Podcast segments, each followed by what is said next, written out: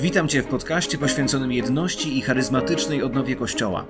To przestrzeń, która łączy ludzi, szczególnie tych, którym nie wszystko jedno, a którzy są gotowi w swoich domach, miejscach pracy i wspólnotach wiary budować mosty, łamać uprzedzenia i odważnie służyć odnowie Kościoła. Jedność to nie opcja, to szansa. Nie tylko w kościele, ale też w naszych relacjach i społeczeństwie. Przekonaj się o tym i dołącz do społeczności ambasadorów jedności oraz tych, którzy pragną duchowej odnowy Kościoła w Polsce. Podpowiem Ci, jak to zrobić. Zapraszam. Karol Sobczyk.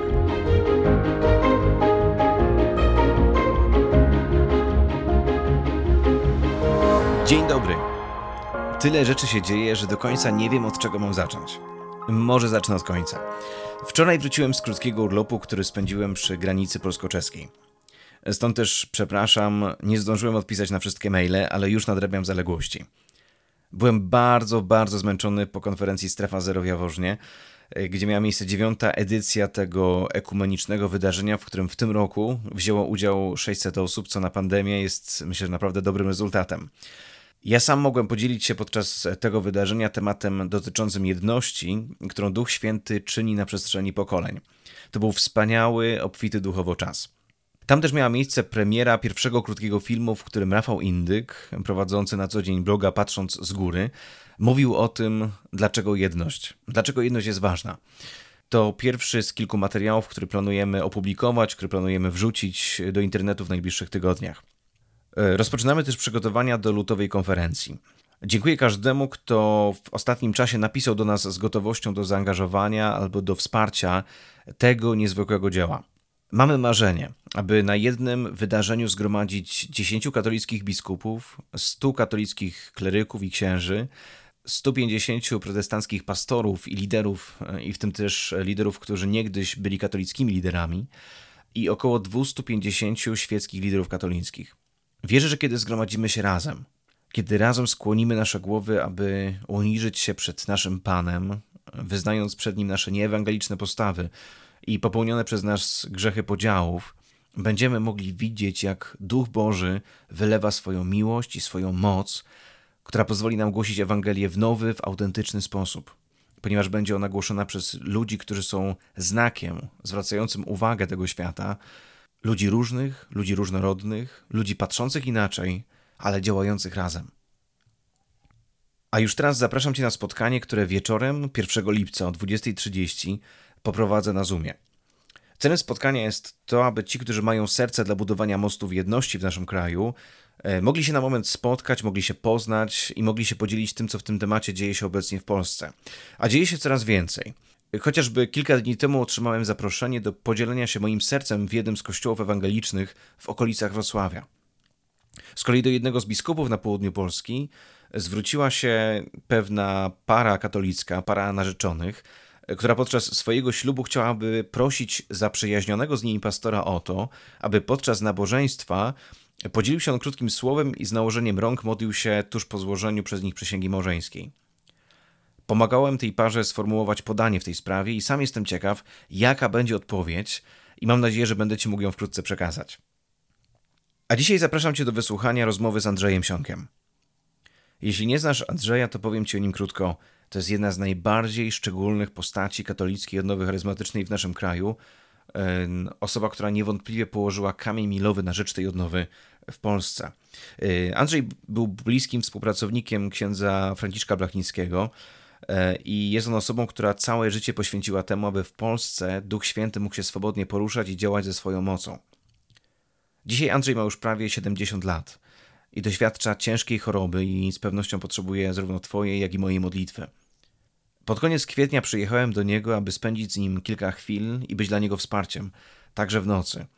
Podziwiam go, że w doświadczeniu tak trudnej choroby, która bardzo utrudnia mu poruszanie, ale nie tylko poruszanie się, ale też mówienie, jest tak bardzo skoncentrowany na Bogu i skupiony na Jego pragnieniach, na Jego woli. Podjąłem decyzję, że nagram ten odcinek w taki sposób, aby głos Andrzeja był naprawdę dobrze słyszalny, kosztem jakości nagrania. Bardzo chciałem zapytać Andrzeja o doświadczenie spotkania w sali kongresowej w Warszawie, o którym już Ci mówiłem, a podczas którego mówcami byli John Wimber, protestant, i Ralph Martin, katolik, dwaj szczególni ludzie odnowy charyzmatycznej.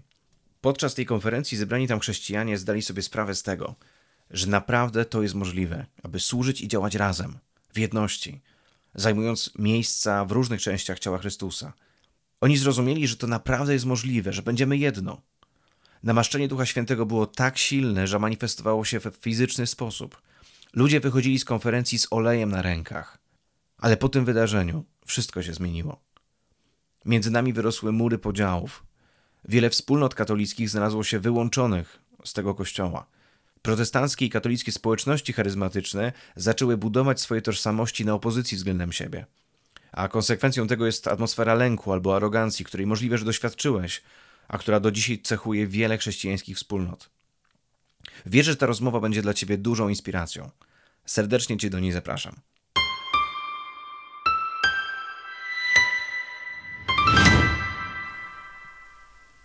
Mamy dzisiaj ostatni dzień kwietnia. Jest wieczór, 21.45 i jesteśmy w Lanskoronie. To jest miejsce, w którym wydarzyło się więcej rzeczy niż jestem sobie w stanie uświadomić. Miałem okazję być tu, Andrzeju, w sumie kilkukrotnie. Pierwszym razem byłem tu w dniu katastrofy smoleńskiej. Później jeszcze miałem okazję być kilkukrotnie. Raz byłem też na Sylwestrze z biskupem e, Grzegorzem Rysiem, jak jeszcze był biskupem krakowskim. Miałem okazję też tutaj chyba dwukrotnie do, do Ciebie zajrzeć. Coś, za, za co Cię niezwykle cenię, to jest mądrość, której, której nie widzę na co dzień w wielu miejscach, jeśli nie u wielu osób nie, nie widzę, ale też takich bardzo wpływowych w Kościele. Jadąc tutaj pomyślałem, że właśnie jadę po mądrość, zaczerpnąć z mądrości. Wie, wiesz, że co mnie nurtuje? Nurtuje mnie to, co zrobić, żeby chodzić w namaszczeniu Ducha Świętego, takim, jakim Ty się poruszasz, jak szukać Ducha Świętego? Jak, wiesz, jak go znaleźć? Ja Ci to pytanie zadałem w 2015 roku. Pamiętasz, jak wróciłem ze Stanów Zjednoczonych i doświadczyłem mocy Ducha Świętego, który nie widziałem nigdy wcześniej w takim wymiarze. Później już miałem okazję kilkukrotnie, ale wtedy to był pierwszy raz. Sam zostałem bardzo mocno dotknięty w danym czasie i od tamtej pory mam takie doświadczenia takiej większej wrażliwości na, to, na, to, na ten wymiar obecności Ducha Świętego. Nie? Coś, czego nie miałem wcześniej i, i zauważyłem po tym, jak wróciłem. Ja ci tylko nie mówiłem, dlatego tak, wiesz, moje frazy, jak wróciłem z tych Stanów, to zacząłem zauważać, że zawsze, kiedy wychodzisz na mównicę, kiedy zaczynasz głosić, zaczynasz mówić, przychodzi u mnie fizyczne doświadczenie obecności Ducha Świętego. Kilka osób e, takich spotkałem. Johna Arnota, e, jak spotkałem, miałem dokładnie to samo wrażenie, to samo doświadczenie. I zastanawiam się, jak, jak to zrobić, żeby poruszać się w takim namaszczeniu Ducha Świętego co zrobić, żeby, żeby Duch Święty stale przebywał w nas i był udzielany przez nasze życie? Nie wiem, czy potrafię Ci tak odpowiedzieć na to pytanie. mnie zaskoczyłeś, ale jest to też pytanie, z którym sam się zmagam. Duch Święty jest dawcą namaszczenia. On jest bardzo suwerenny. Zawsze musimy się pamiętać, że to My musimy się wpisać w Jego wolę, ponieważ każdemu udziela On zgodnie ze swoją wolą, tak jak chce. Nie próbować zobaczyć Go w perspektywie woli naszej. Ty miałeś jakieś takie doświadczenie w życiu, po którym wiedziałeś, że przyszedł jakiś nowy rodzaj Bożej obecności w Twoim życiu? Nie od razu na myśli samego chrztu Duchu Świętym, bo to jest oczywiste, że ten moment y, zmienia wszystko, ale kiedy, wiesz, no tak jak w dziejach apostolskich, że uczniowie doświadczyli wylania w drugim rozdziale, a później ci sami uczniowie w czwartym rozdziale znowu zostali napełnieni i, i byli o tym przekonani, że to napełnienie rzeczywiście miało miejsce i ono było tak silne, że można było to rozpoznać, nie? że rzeczywiście miało miejsce kolejne wylanie. Miałeś takie doświadczenie y, potem, po którym wiedziałeś, że przyszła, przyszedł zupełnie nowy rodzaj Bożej obecności i życia w Duchu Świętym dla, dla Ciebie? Cieszę się, że mi przerwałeś, ponieważ Właśnie miałem powiedzieć, że nic nie możemy zrobić. Kropka. I to jest najbardziej uwalniające. Są pory i czasy, które Pan naznaczył swoją władzą. Też staram się jedno, to chyba było pasją największą mojego życia, żeby to szczęście spotkania Pana i przyjścia Ducha Świętego rozmnożyć i żeby ono stało się udziałem wszystkich. Dlatego też nie tyle skupiałem się nad swoją rolą w tym wszystkim, ile nad tym, w jaki sposób mogę dosięgnąć jak najwięcej ludzi i zbudować ich świadomość tym wszystkim. Wiem, że ludzie często przychodzili do mnie i mówili, że szczególnie ich dotknęło to słowo, że to brzmiało proroczo. Jakoś te słowa nigdy nie kleiły się do mnie. Trochę miałem wrażenie jak Amos. Bóg wie, czy jestem prorokiem, czy nie jestem prorokiem. Ale jeżeli Pan Bóg mówi, to ktoż nie będzie mówił. Szczerze, potrzeba nam tej prostoty dzieci. Ponieważ to dopiero Pan, który wypowie słowo i stanie za swoim słowem. I to słowo zaczyna przynosić owoc, zanim nie wróci. I widzimy, jak to słowo się pomnaża. To po prostu zaczyna obrazować miarę namaszczenia, jaka była nad tym słowem, kiedy zostało ono udzielone. Pamiętam taki jeden moment, który właściwie zwrócił moją uwagę na tą całą kwestię, kiedy miałem poprowadzić na oazie prowadzenie do drogi krzyżowej. I wtedy po lekturze pisma, kiedy stanąłem przed ludźmi, miałem wrażenie, jakby takie słowo potoczyło się bardzo tak żwawo. I nagle zobaczyłem, że ci stojący przede mną już nie stoją, a leżą. Zdziwiłem się, co im się stało. I właściwie potem o tym wszystkim zapomnieliśmy. Nie przywiązywaliśmy do tego większej wagi. Niemniej jednak to Pan jest mocny w swoim słowie i mnie najbardziej męczy to pytanie w sytuacji, kiedy widzę, że brakuje nam mocy w tym, co robimy. Ponieważ to, co zostało nam dane, może zostać zagłuszone przez to, że stajemy się coraz bardziej światowi. Pamiętam kiedyś jeszcze w czasach oazy, kiedy nikt z nas nie miał zbyt wielu projektów do zrealizowania, ani kasy. Braliśmy Biblię, szliśmy w pola. Nie przeszkadzało nam to, że śpimy na materacach, że nie każdy strych ma, ma swój oddzielny prysznic. Natomiast byliśmy mocno skoncentrowani na tym, co możemy przeżyć, jaka perspektywa nam się ukazuje. Mam wrażenie, że pomnożone dobra aż zanadto koncentrują nas na sobie. Jesteśmy jakby przyszyci do tej ziemi, rozproszeni w jakiejś takiej uwadze, stuprocentowej koncentracji na Panu. To jest jeden z powodów. Inny powód są ludzie, którzy bardzo chcą wzrosnąć duchowo i robią wszystko, co jest możliwe, żeby wzrosnąć. W związku na pielgrzymki, uczą się nowych pieśni, wysłuchują katechez YouTube'owych, to tu, to tam i mają tego wszystkiego tak namagazynowane w sercu, że nie sposób zrobić jakikolwiek porządek. W związku z tym są tam same święte rzeczy, ale po prostu bez żadnej struktury porządku i świadomości celu. Czasami właśnie nawrócenie wydaje mi się nie zawsze oznacza tylko proces odwrócenia się, ale również proces uporządkowania, abyśmy wiedzieli, czym, o czym chcemy z Panem rozmawiać. O nim, mojego królestwie. Natomiast tego, co, co bym się życzył, to po prostu tej wewnętrznej skłonności, aby moc Pana zamieszkała w Twoim słowie. I ty pamiętasz taki moment, wiesz, właśnie w swoim życiu, kiedy otrzymałeś więcej? Tak, ale, ale po prostu nie, nie go za bardzo, po to, żeby nie być smutnym, kiedy dostanę mniej. Po prostu musiałem się pogodzić z tym, że Pan Bóg w każdej okazji daje tyle, ile trzeba. Były może takie momenty, kiedy chciałem powtarzać to, co stało się wczoraj, co miało w sobie siłę i moc, ale nie można żyć dzisiaj wczorajszą łaską. Więc wypadło to śmiesznie. I po prostu był to tylko słaby falsyfikat oryginału, który zdarzył się wczoraj. Natomiast na dzisiaj namaszczenie było takie, wydaje się bardzo delikatne, skromne, ale właśnie przemawiające i tu i teraz do tych właśnie ludzi, a nie innych. Widzę taką dużą grupę młodych ludzi, którzy żyją blisko Boga, żyją z Bogiem, ale nie są gotowi na takie radykalne poświęcenie swojego życia dla Niego.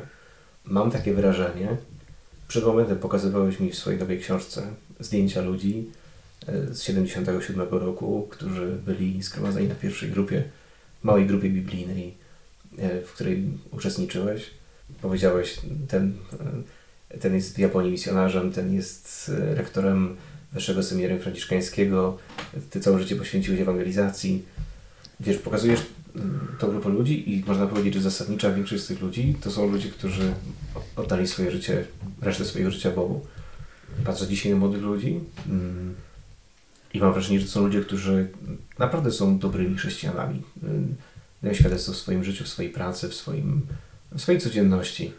Ale powiedziałbym, że wielu z nich, czy w większości z nich, ich życie to nie jest życie, które, które poświęcają temu, aby czynić uczniów, ewangelizować, aby poszukiwać em, Bożych dróg dla nich na ten czas, em, y, będąc takimi poddanymi wprowadzeniu Ducha, Świ- Duchowi Świętemu, tylko przeżywają swoje życie, zapraszając do Niego Boga. To też jest dobre życie, ale wiesz, nie ma takiego radykalizmu do tego, żeby płonąć i zapalać innych.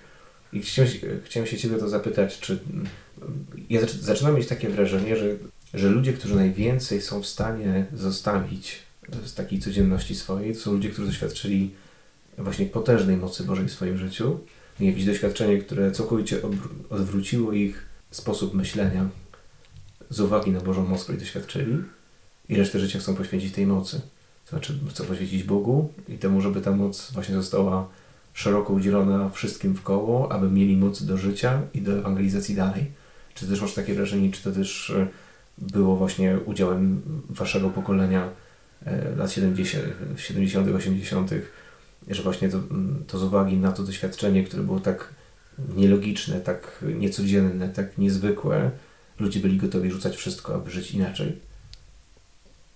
Co się działo, zawsze wyprzedzało sporo możliwość naszej własnej refleksji nad tym, co się dzieje. W związku z tym nie krowadzimy się jako ludzie, którzy mają tutaj kontrolę, ale raczej jako tacy, którzy chcą być wprzęgnięci w to, co Pan Bóg czyni i chcą, żeby to ich dotyczyło. Pamiętam nasze rozmowy z tamtego czasu i to gorliwe pragnienie, że chcę robić wszystko, aby nie znaleźć się poza tym kręgiem wylanej łaski, poza tym namaszczeniem. I dlatego no, zwariowali. To oczywiście było też i niebezpieczne z uwagi na brak doświadczenia w walce duchowej, którą toczymy, ale z drugiej strony czyste serce sprawia, że Duch Święty wyprowadza nas, jeżeli byśmy pobłądzili. Ja myślę, że to jest to, co się dzisiaj dokonuje, jest pochodną i tradycyjnej duchowości katolickiej i mentalności, która płynie ze świata. Z jednej strony świat ma do zaproponowania młodym ludziom rozrywkę.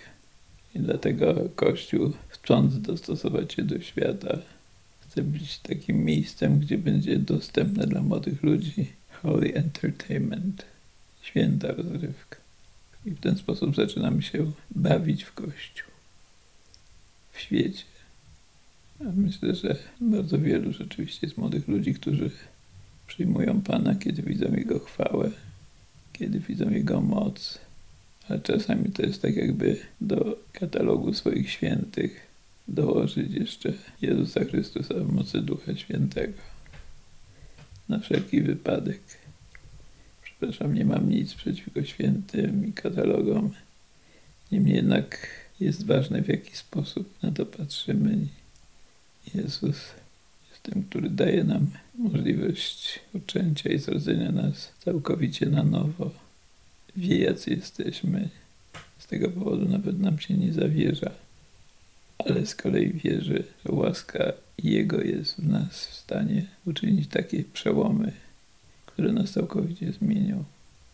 Młodzi ludzie są podprowadzani pod każde nowe spotkanie z Jezusem. To są spotkania w radości, w mocy, w chwale, ale też spotkania w cierpieniu, w śmierci, w agonii. I to jest pytanie, czy dalej jestem Twoim Panem? Pozwolisz mi się spotkać z Tobą w tej chorobie? Czy pozwolisz mi panować nad Tobą w tej chorobie. I myślę, że tutaj to spotkanie jest niesamowite i ono jest w stanie pogłębić nasze spotkanie z Panem, które przeżyliśmy w radości, w mocy, chwale. Jak w latach 80. i 90. Jak, jak słucham opowieści wiesz, różnych liderów tamtego czasu, też pastorów tamtego czasu, albo takich pastorów, którzy byli katolikami, to słyszę o właśnie potężnej Bożej mocy, która była bardzo doświadczalna, doświadczana przez wielu ludzi, młodych ludzi, którzy napataczali się na spotkania, bo akurat przychodzili na spotkanie i od razu doświadczali potężnej mocy Ducha Świętego Mhm. to mam dwie myśli i jedno pytanie do Ciebie. Moja myśl jest taka. Pierwsza. Nie jestem pewien, czy my w dzisiejszym pokoleniu doświadczamy tego w tak potężny sposób, jak wyście doświadczali wtedy. Zastanawiam się, czy właśnie to jest pytanie, które mam, czy myślisz, że dzisiaj mm, mamy, mm, czy, czy to była charakterystyka tamtego czasu, ponieważ Bóg zasiewał jakieś ziarno i teraz ono wzrasta mm, i możemy się spodziewać, że za chwilę będzie nowy, nowy zasiew. To jakby będzie pierwsze pytanie. E, A, a drugie zadam po, po odpowiedzi. Możesz nie, nie mnożyć wątków. Czy masz wrażenie, że dzisiaj jest tych, czy te nasze doświadczenia dzisiejsze można porównywać? Można, nie chodzi mi o jakościowe porównywanie, tylko chodzi mi o to, czy, czy widzisz, że ta łaska się wzmaga, czy też czy masz wrażenie, że tak jest że takie rozluźnienie, rozwodnienie tego, co otrzymaliście wy jako pokolenie przed nami? No myślę, że rzeczywiście jest prawdą, że namaszczenie spływało w sposób, który nas zaskakiwał. Pamiętam raz po spotkaniu modlitewnym u Lemnichanów jakaś kobieta po prostu wyszła z tramwaju i przechodziła obok takiej rozentuzjazmowanej grupy, która właśnie wyszła ze spotkania. I nagle po prostu za- zachwiały się jej nogi. I musiała siąść i siedziała przed tym kościołem i wołała na tych wychodzących, czy ktoś mi jest w stanie powiedzieć, co się ze mną dzieje. No to wtedy nam bardzo była potrzebna ta moc i wsparcie. Myślę, że strategia taka, jaką zauważyliśmy z księdzem Blachnickim, była taka, że im jesteśmy gotowi pójść do trudniejszych miejsc, do miejsc, które bardziej odrzucają panowanie Jezusa, tym będzie nam towarzyszyła bardziej Jego moc. On po prostu swoją mocą chce zagwarantować, że Jego świadectwo będzie skuteczne. W sytuacji, kiedy mamy pokój, kiedy mamy tak już na tym poziomie usystematyzowaną miarę refleksję nad, nad tym, co Bóg czyni, Jego przychodzenie może być bardzo łagodne i wymagające od nas o wiele niższego poziomu szumów niż od nas wtedy, kiedy przeżywaliśmy te pierwociny. Ja myślę, że rzeczywiście ten czas tej nagiej łaski, takiej zupełnie nieuprzyczynowionej, był czasem, który nas zaskoczył i wielu naprawdę nie wiedziało, co ma z tym zrobić, dokąd to, to ich prowadzi. Pojawiało się wiele natchnionych osób, które inicjowały bardzo dobre kroki. Z kolei powstawało też wiele lęków i chęci zrozumienia tego, co się dzieje całkowicie przez pryzmat tego, co się działo. I te lęki z kolei sprawiały inne kroki, które rozpraszały tamtą łaskę. Ksiądz Peter Hogan napisał taką książkę Glory and Shame, chwała i zawstydzenie. I jest, wydaje mi się, że to, w czym kroczyliśmy. Z jednej strony doświadczaliśmy chwały, która była nam dana i doświadczaliśmy też zawstydzenia z powodu tego, co myśmy z tym zrobili. Oczywiście wszystko jest wciąż w Duchu Świętym, o tyle, o ile jest gotowość poddawania się Duchowi Świętemu i w dobrym krączeniu, i w błędzie. A kiedy my, myślisz o, o tym wstydzie, tym zawstydzeniu, co, myśl, co byście z tym zrobili, to co masz na myśli? Wiesz, pytam dlatego, żeby się uczyć na błędach, uczyć się z waszych błędów. No, są rzeczy takie dość oczywiste, że chociażby W pewnym momencie przyszło wiele słów wzywających do wyjścia na zewnątrz, na ulicę. Potem przyszło wiele słów wzywających do wyjazdów misyjnych, do zaangażowania w misję. To były słowa, które sobie cytowaliśmy, rozmawialiśmy o nich, ale w większości przypadków nic z tego nie wyszło. I to nie jest tak, że to pozostało bez konsekwencji, ponieważ ta moc, która miała być uwolniona w ewangelizacji, w misji, nagle nie mogła się znaleźć w tamtym miejscu, a ona miała być uwolniona w tamtym miejscu, w tamtym czasie. Tego w sumie nie odpowiadając na tego typu wyzwania, chociażby wyzwanie do jedności, skrzętnie ukrywane, traciliśmy moc. Oczywiście chlubiliśmy się wciąż Duchem Świętym i On też był wierny sobie, ale jednocześnie to posługiwanie było zbawione mocy i nic z tego nie wynikało. Możemy patrzeć na to przez pryzmat, jakie rzeczywistości wzrosły, ukształtowały się w wyniku 50 lat odnowy charyzmatycznej katolickiej. Owszem, niesamowita walka ze zindywidualizowaną pobożnością, pozostałościami oświecenia itd., itd., ale to jest walka z tym światem, który jest w nas, w Kościele. A co zrobiliśmy, żeby dotrzeć do tego świata, w którym są ludzie ze świata? Dlaczego nie można było zapłakać nad rozbiciem no, z, z oporu, który jest w naszym ludzkim ciele? Jesteśmy z natury niezbyt skłonni do nawracania się, ale Bogu dzięki, że Jego to nie zniechęca, ale daje nam szansę. Powiązałeś mm, ten wymiar jedności z wymiarem mocy. Tak. Mógłbyś to rozwinąć? Najpierw chciałem powiedzieć, że z doświadczenia wiem i lubię i zawsze lubię, kiedy gromadzi się grono ludzi z różnych seg- segmentów ciała Chrystusa w Lanskoronie, ponieważ wtedy razem wyznając panowanie Jezusa, wylewana jest o wiele większa moc i miłość. Ja nie wiem dlaczego tak jest, ale u nas tak jest. Kiedy gościliśmy tutaj Żydów, mesjańskich społeczności, ta miłość była rozlewana jeszcze bardziej. Moc jest powiązana z tym, jak blisko jesteśmy woli Bożej. Nie mówię, że tutaj można jakieś zasady bezpośrednie wyznaczać, ale na pewno jakiś przyczynowo-skutkowy związek istnieje. Ojciec chce mieć wszystkie dzieci razem i, i to jest pewien kapitał. Już Paweł VI w Ewangelii Nuncjanti pisał, że niewiele osiągniemy, jeżeli nasze zamiary ewangelizacyjne nie będzie wpisane dążenie do jedności. Myślę, że tutaj dużym powodem utraty mocy w odnowie charyzmatycznej jest też ten indywidualizm i brak jedności. Indywidualizm i nasze działanie indywidualne zawsze przypominają o tym Bogu, że my potrafimy się od, odwrócić i każdy z nas udać ku swoim własnym sprawom. Co jest największym przekleństwem dla człowieka, a olbrzymim bólem dla Boga. Kiedy Duch Święty został wylany na samym początku, to, że my mamy przeżywać Jego obecność we wspólnocie, było dla wszystkich oczywiste. I nawet nie było takiego pytania. Dlaczego nie umiłowaliśmy wspólnoty? Dlaczego powiedzieliśmy sobie, że le lepszy jest nasz indywidualizm sakramentalny w parafiach niż życie tych wspólnot? Nie potrafię odpowiedzieć. Ale jestem pewny, że tutaj bardzo wiele z mocy, która została dana, sprawczej mocy, która została dana odnowie, gdzieś wyparowało.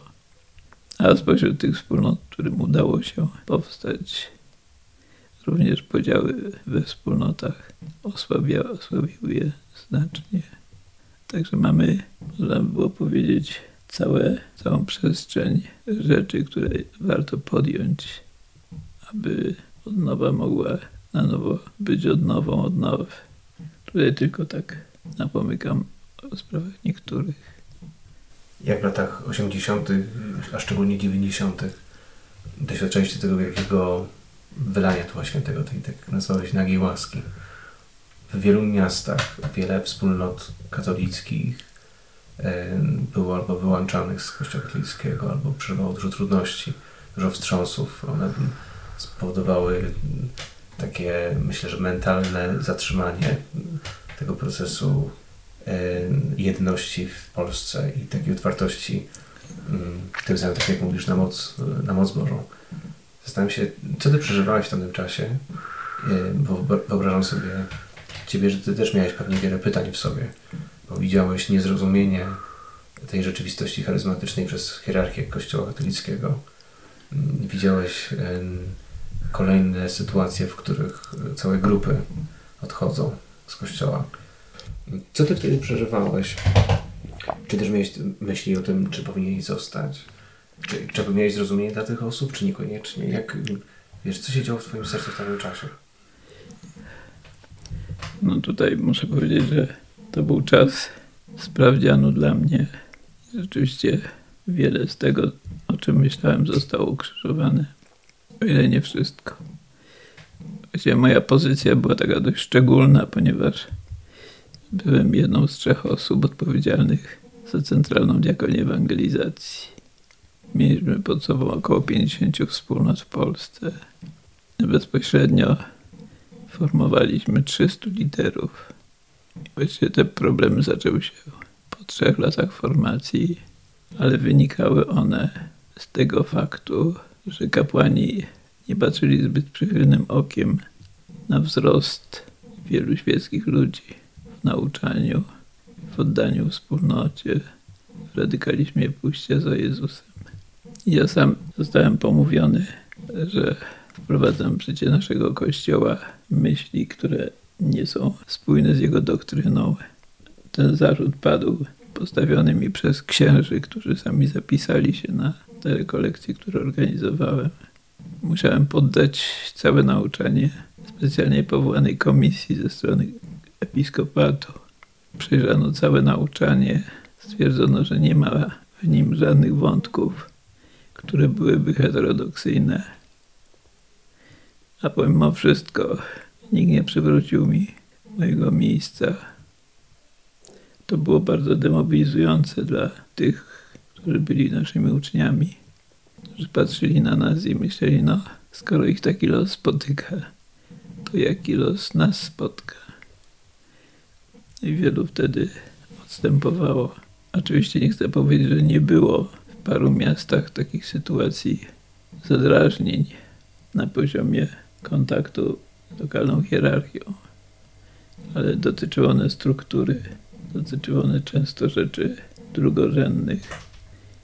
W bardzo niewielu przypadkach dotyczyły one doktryny czy też moralności. A jednak straszono tego typu atmosferą. Potem okazało się też, że również i kapłani pracujący na usługach SB, włączeni również inni członkowie hierarchii, za tym procesem dekonstrukcji sieci wspólnot, która wydawała się zbyt niebezpieczna dla kontroli i inwigilacji, byli. Niemniej jednak nie widziałem i nie widzę po dzień dzisiejszy w polskich katolikach skłonności do kreowania podziałów, szczególnie konfesyjnych. I myślę, że tego wtedy też nie było, ale po prostu odebrano nam możliwość dalszego rozwijania się. Zaprzepaszczony został dorobek tworzeniu wspólnot. Kiedy tutaj potem w roku 2000 próbowałem zwołać dzieci tych ludzi, którzy wtedy byli liderami wspólnot, sądząc, że stanowią one pokolenie, którym już zostało przekazane coś z tego, co było. Okazało się, że te dzieci nic nie wiedzą. Że sami rodzice mówią, celowo nie przekazujemy wam tego, bo nie chcemy, żebyście przeżywali to, co my. Także to pokolenie w trudniejszych czasach musi zaczynać wszystko od nowa. To zamieszanie duchowe w kościele dzisiaj jest dowodem też braku troski o wspólnotę, o liderów wtedy. Także tutaj też musi dojść do jakiegoś takiego pokoleniowego pojednania. I musimy sobie też zdać sprawę, na ile w tym wszystkim siłą taką odśrodkową był też taki mocny klerykalizm w naszym kościele. Czyli myślisz, że ta duża ilość konwersji tamtych lat 90. em, ma swoją główną przyczynę jednak w naszym grzechu e, Kościoła katolickiego?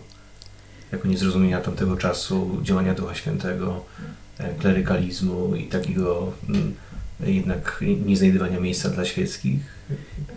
W dużej mierze tak. W dużej mierze tak.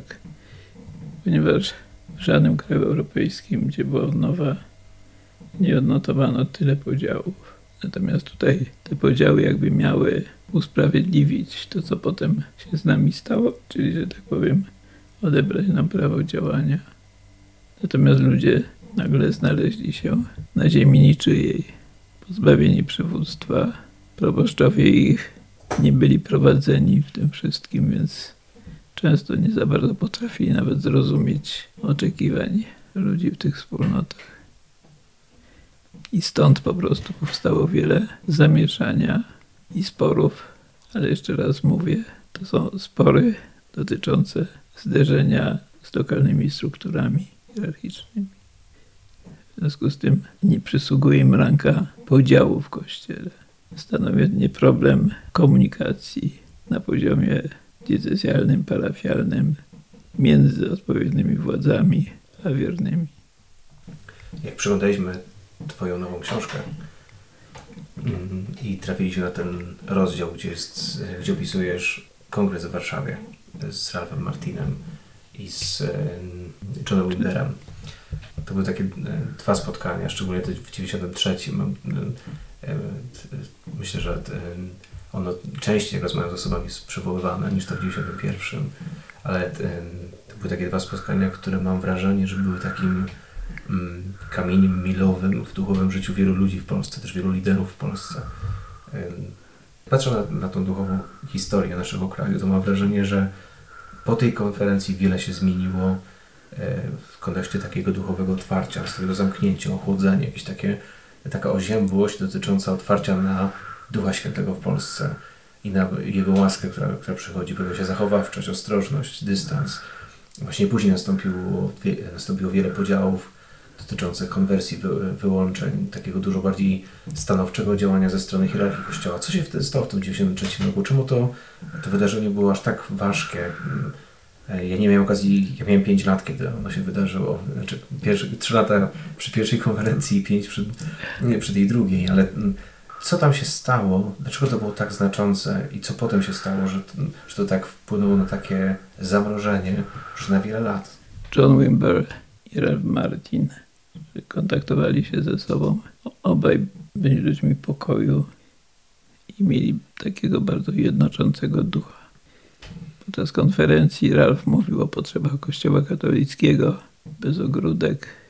John Wimber mówił za to o potrzebach Kościoła protestanckiego bez ogródek.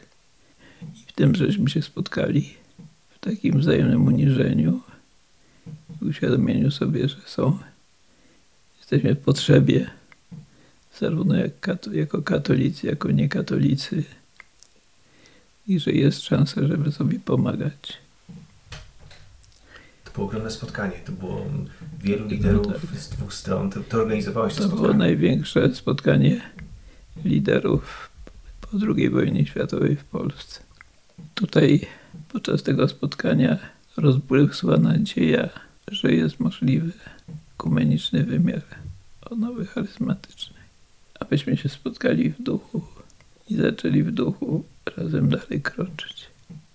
Natomiast był to czas, w którym odnowa charyzmatyczna chciała być zdecydowanie katolicką odnową charyzmatyczną i jako taka z seminariami próbowała zdobywać swoją katolicką, inną od innych chrześcijańskich, duchowość charyzmatyczną.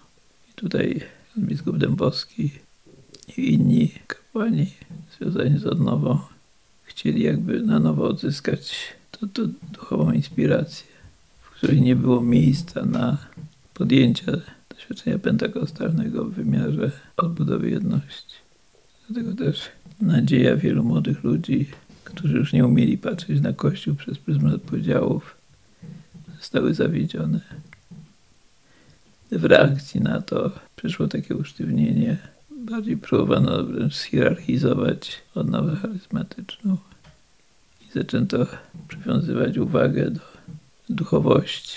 I nawet jeszcze kiedy tutaj proponowałem weekendy księdza Piotra Hokena, takie mocno wyważone, żeby cokolwiek zaczęło rosnąć wśród tych ludzi, to po prostu odmówiono mi, poproszono mnie, żebym nie przesyłał informacji, ponieważ inaczej będzie to poczytane za próbę infiltracji obcej duchowości.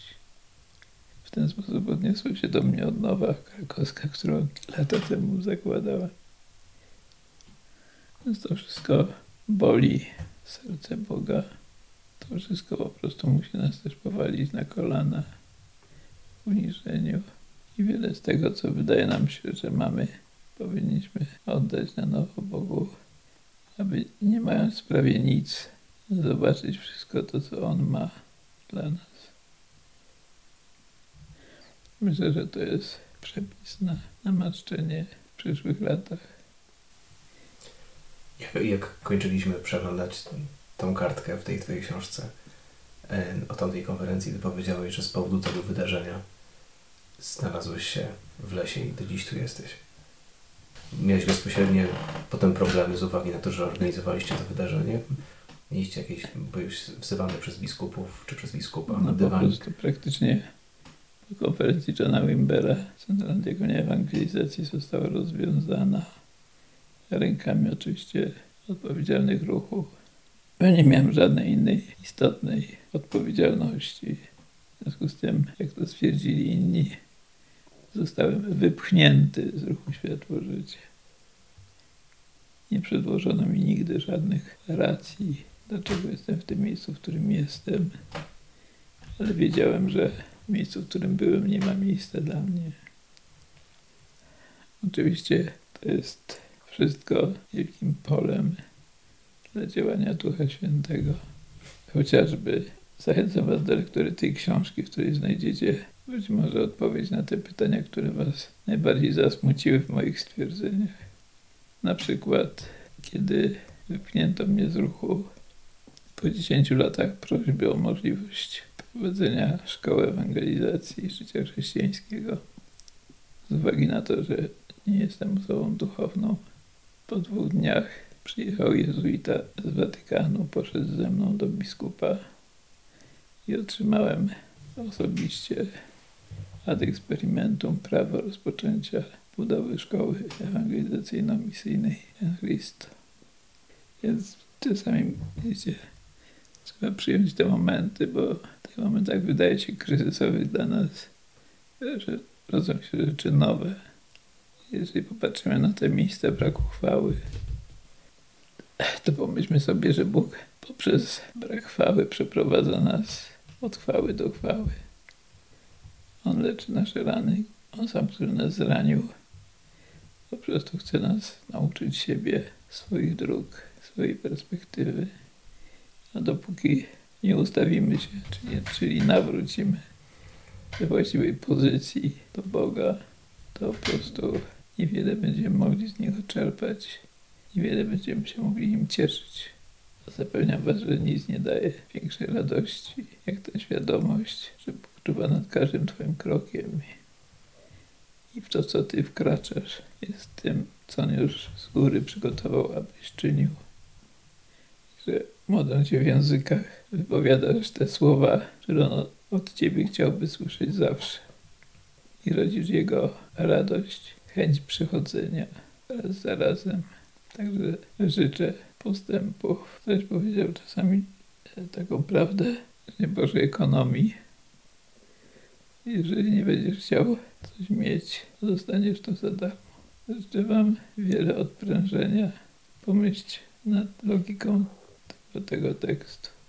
Szczególnie kiedy przeżywacie napięcia i to, co się zwie na zabójczym stresem, to myśmy sobie to przygotowali. Którejś Ewangelia nas zachęca jeszcze raz. Przyjdźcie do mnie, że jesteście utrudzeni. A ja wam dam poczynienie. Jeszcze mam takie dwa krótkie pytania. Czy kiedykolwiek ze strony mm, hierarchii Kościoła katolickiego doświadczyłeś, mm, mm, szukam dobrego słowa, takiej rehabilitacji z uwagi na popełnione wcześniej błędy? Czy miałeś okazję doświadczyć tego, że ktoś przyszedł w takim miejscu wyznania grzechów, e, pokuty za tamten czas, który spowodował, jakby nie patrzeć, myślę, że musiałeś sobie poradzić ze zgorzknieniem, z odrzuceniem, z takim też złamaniem. Ja sam nie wiem, jak to się stało, ale zawsze mnie interesowało w każdej pozycji, żeby zająć nową pozycję, w której komunikowanie tego, co jest w sercu Boga, jest możliwe. I tak mnie to po prostu pochłaniało, że nawet nie odczuwałem tego, co oni mi robili. Stwierdziłem, że mając tak wspaniałą możliwość, naprawdę nic więcej mi, mi nie potrzeba. I to pozwoliło mi, wydaje mi się, ominąć wiele raf. Myślę, że z czasem coraz bardziej ta świadomość dojrzewa. Są takie rany, które z trudem się zabliźniają. Odrzucenie odnowy w kościele, e, w ruchu rzeczywiście skutkowało zanikiem jego dynamiki ewangelizacyjnej, rozpadem wspólnoty i kryzysem w całym ruchu.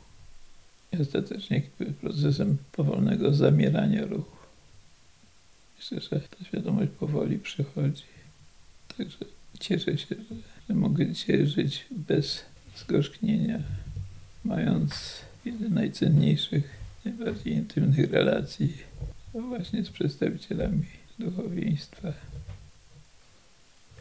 Jeszcze jedno pytanie mam takie. mm, Jak zadaję sobie pytanie, czy jest jakaś osoba w Kościele katolickim w Polsce, którą znam, a która, która posiada unikalne kontakty, unikalną wiedzę z zakresu budowania wspólnot, formowania liderów uczniostwa i takiego, takiego kształtowania żywego kościoła. To jesteś pierwszą osobą, która przychodzi mi do głowy. I zadaję sobie takie pytanie, czy Kościół kiedykolwiek wyszedł do Ciebie z takim pytaniem o to, aby w jakiś sposób finansować Twoją służbę jako osoby świeckiej, jako, jako lidera świeckiego. Nigdy coś takiego nie miało miejsca. Natomiast starałem się w różnych fundacji katolickich o to, żeby kupiono mi miejsce na szkołę. Tak jak to tutaj. I co najwyżej zyskałem stypendia dla ludzi za wschodniej granicy. Czyli to jest taki temat, który jeszcze wymaga dużo odnowy w myśleniu Kościoła, aby, aby się on rozpoczął w Polsce.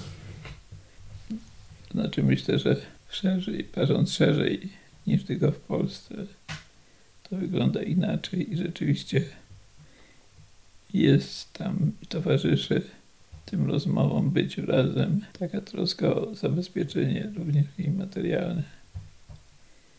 U nas jakby o tych rzeczach się nie mówi, ale też nigdy nie, nie było takiego czasu, że mogę powiedzieć, że mi czegoś brakuje. Nigdy też nie mogę powiedzieć, że mam coś zbyt dużo. Zawsze miałem tyle, ile potrzeba było. Dlatego też miałem tutaj wiele spokoju przez całe życie. Dzięki. Dziękuję Ci, Andrzej. Dobrze jest z Tobą rozmawiać.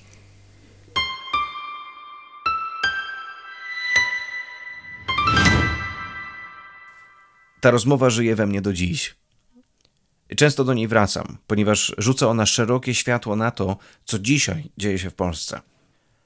Andrzej ma, jak słyszałeś, niezwykły dar syntezy, patrzenia w sposób całościowy na wiele spraw, szczególnie tych związanych z odnową charyzmatyczną. I jak słyszałeś, zapłacił ogromną cenę za to, aby Kościół był dzisiaj w tym miejscu, a nie w innym. Proszę wspomnij dziś za niego w swojej modlitwie. A jeśli podoba Ci się to, co robimy i chciałbyś stać się częścią tych działań, zapraszam Cię do naszego Patronite'a. Twoje stałe, nawet drobne wsparcie bardzo dużo dla nas znaczy. Bo pozwala nam właściwie planować rozwój tego projektu, który buduje mosty relacji i zaufania pomiędzy ludźmi i wspólnotami w Polsce. Jutro wyjeżdżam do Łodzi, aby w sobotę wziąć udział w pierwszym ogólnopolskim forum Harris, podczas którego poprzez nauczanie będę miał przywilej kształtować i wyposażać liderów katolickich wspólnot charyzmatycznych właśnie o znaczenie wymiaru jedności. Modlę się o ten czas. Jeśli chciałbyś się czymś podzielić, proszę napisz do mnie. Mój adres to karolmałpa.glosnapustyni.pl A jeśli chciałbyś być na bieżąco, zapraszam Cię do śledzenia naszych mediów społecznościowych. Usłyszymy się już niebawem. Bardzo dziękuję Ci za dzisiejszy wspólny czas. Do usłyszenia. Shalom.